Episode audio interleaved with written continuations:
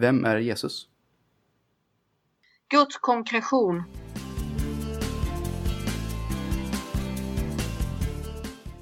Vem är Jesus? Jesus är Guds ansikte som vi som, som vanliga dödliga kan ha lättaste, inte lätt men kanske mest direkt närvaro till och möjlighet att komma till och förstå till den nivån som människor kan förstå Gud. Det, Jesus är den del av Gud som vi kan, som vi kan um, efterfölja direkt och försöka få in i våra liv och, och göra våra handlingar och våra beslut enligt tanken att vad skulle kanske Jesus tänka och göra.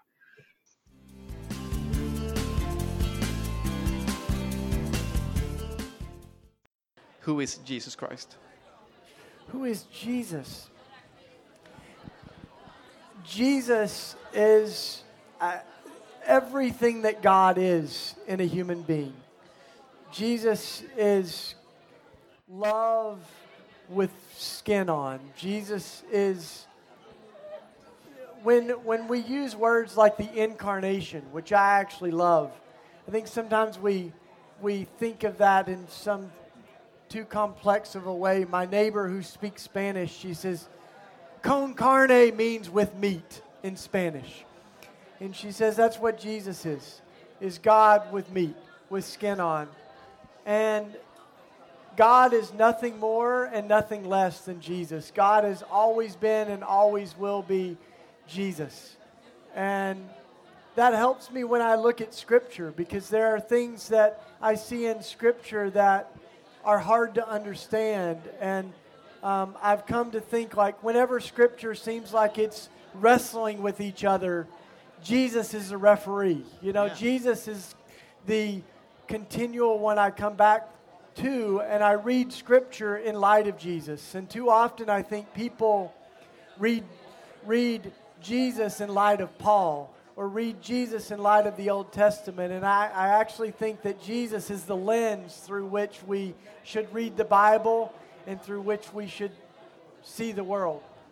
So, you know, Jesus helps us know what God is like in a way we can wrap our hands around and follow.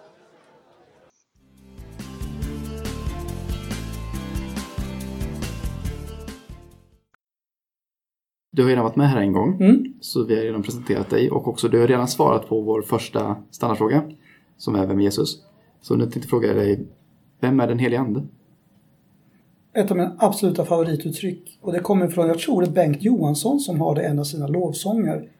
Uh, anden är vinden från en annan årstid. Just det. Det låter jättekul faktiskt. Jag älskar det. För det, det har jag med säsonger, det handlar om liksom att det är närvarande men också ta någonting in. Så vinden från en annan årstid tycker jag nästan, det går inte att säga det vackrare än så. Sen har jag jättemycket predikningar och skriver massor om anden och för mig blir det, det är väldigt mycket att den här kombinationen av kraft och sanning. Anden är både sanningens ande och kraft. För mig hänger de också djupt ihop. Att den helige ande uppenbarar Kristus som sann Gud, sann människa. Eh, men också kommer kraft som förvandlar våra liv och bryter in i omständigheter och bara skapar nytt.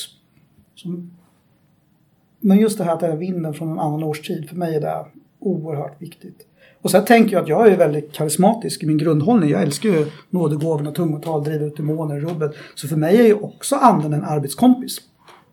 Som ska göra de här grejerna, då behöver man en helig ande. Det räcker ju inte med att ha positiv attityd och kavla upp ärmarna.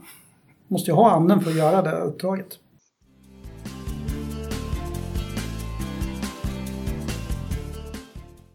Who is Jesus Christ? Um, Jesus Christ, the unique, distinct offspring of God, um, who shows us, shows those who choose to follow him, um, how to be in the world. So I think that's I think that's what I would say.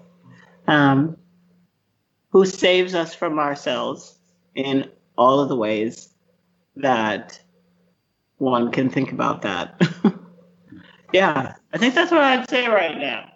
That's my that's going to be my short answer.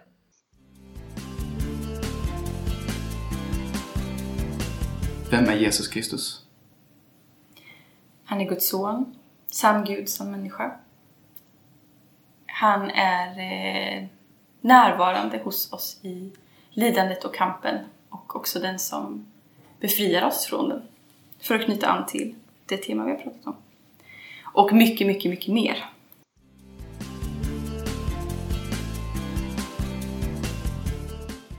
Vem är Jesus? Återigen, som jag sa tidigare, eh, frågan är ju vilken Jesus jag ska svara på. Är det Lukas Jesus eller är det eh, eller den historiska Jesus? Mm. Eller till och med min Jesus? Eh, det är klart att min Jesus är väldigt hög grad påverkad idag av, av hur Jesus är framställd i Lukas evangeliet. Mm. Jag tror att den bild av, Luka, av Jesus som jag kallar för Lukas Jesus i min bok, det är en bild som Lukas inte har hittat på själv utan mm. genom traditionen och mötet med förkunnelsen och så mm. lärt känna. Det är mm. den Jesus han lärt känna i sitt hjärta. Mm. Eh, Jesus för mig är från början eh, en profet mm. kallad av Gud som ville bidra till det judiska folket Israels upprättelse. Mm. Och han såg det som sin kallelse. Mm. Och om han såg sig som Messias från början, det vet jag inte. Men jag tror att han eh, med tiden mm. blev alldeles klar över att han var ett särskilt redskap för, för Israels upprättelse. Mm. Men det är alldeles uppenbart att samtidigt så, så misslyckades ju Jesus den meningen att något omvänt Israel, mm. något samlat Israel, mm. blev det ju inte. Mm. Jag tror att den historiska Jesus också var klar över, eh, kanske inte från början, men blev klar över att, att eh, i, i den här visionen, för att den skulle förverkligas, behövdes också att han var beredd att lida. Mm. Eh, han tolkade sig som representanten för, för Israels folk och eh, Israels folk, i varje fall enligt Danielsboken 7, var folk som genom lidande skulle gå till härlighet. Mm. Eh, jag tror också att Jesus förväntade sig, om han väntade på lidande så förväntade han sig också på upprättelse. Det säga någon mening så trodde han på att Gud skulle bekräfta honom till slut. Mm. Um, och för Lukas är det alldeles uppenbart.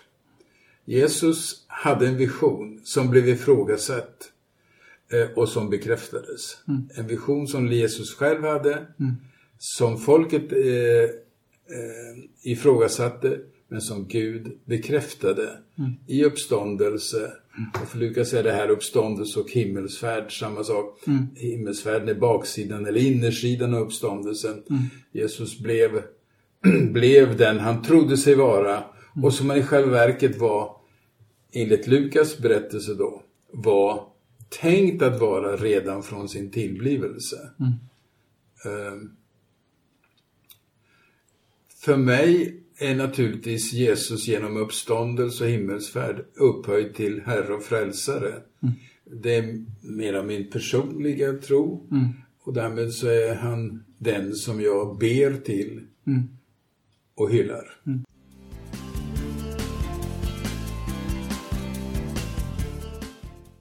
Vem är Jesus?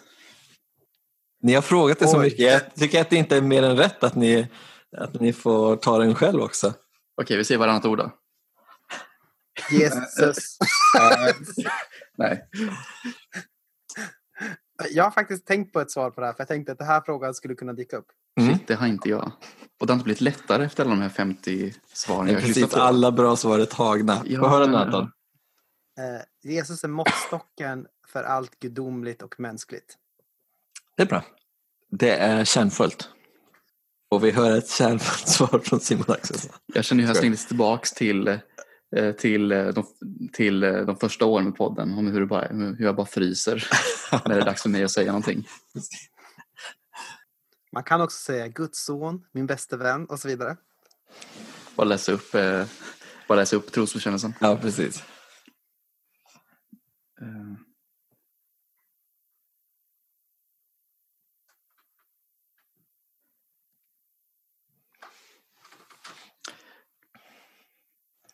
Väldigt mystiskt av mig att bara behålla tystnaden. Och låta den tala. Ja. Så det gör jag så länge. Ja. Eh, ja. Ja. Nej, men det är... Jag tyckte det var väldigt poetiskt. Jesus är tystnaden. Det tyckte jag var bra. Jesus bortom ord. Mm. Ja, precis.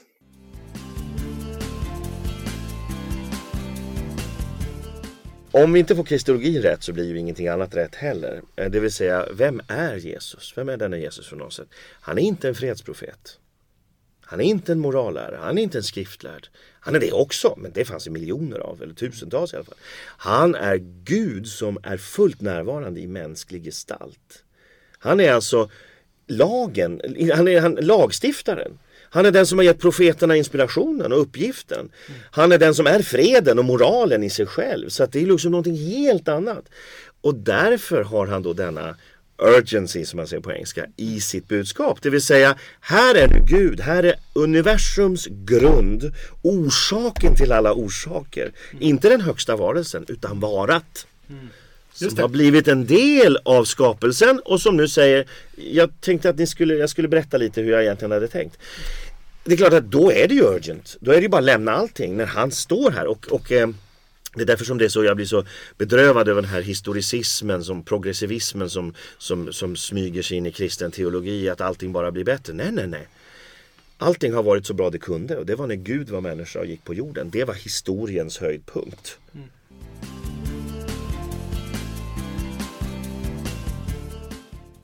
Vem är Jesus? Hjälp, det är ju den frågan jag är rädd för. för den går bara, det, antingen tar man bara ett sånt där jätteenkelt svar och så tänker man hur länge som helst. Ja, för mig är ju Jesus, om vi då kopplar det till bibelsamtalet, så är ju han vändpunkten på alltihopa.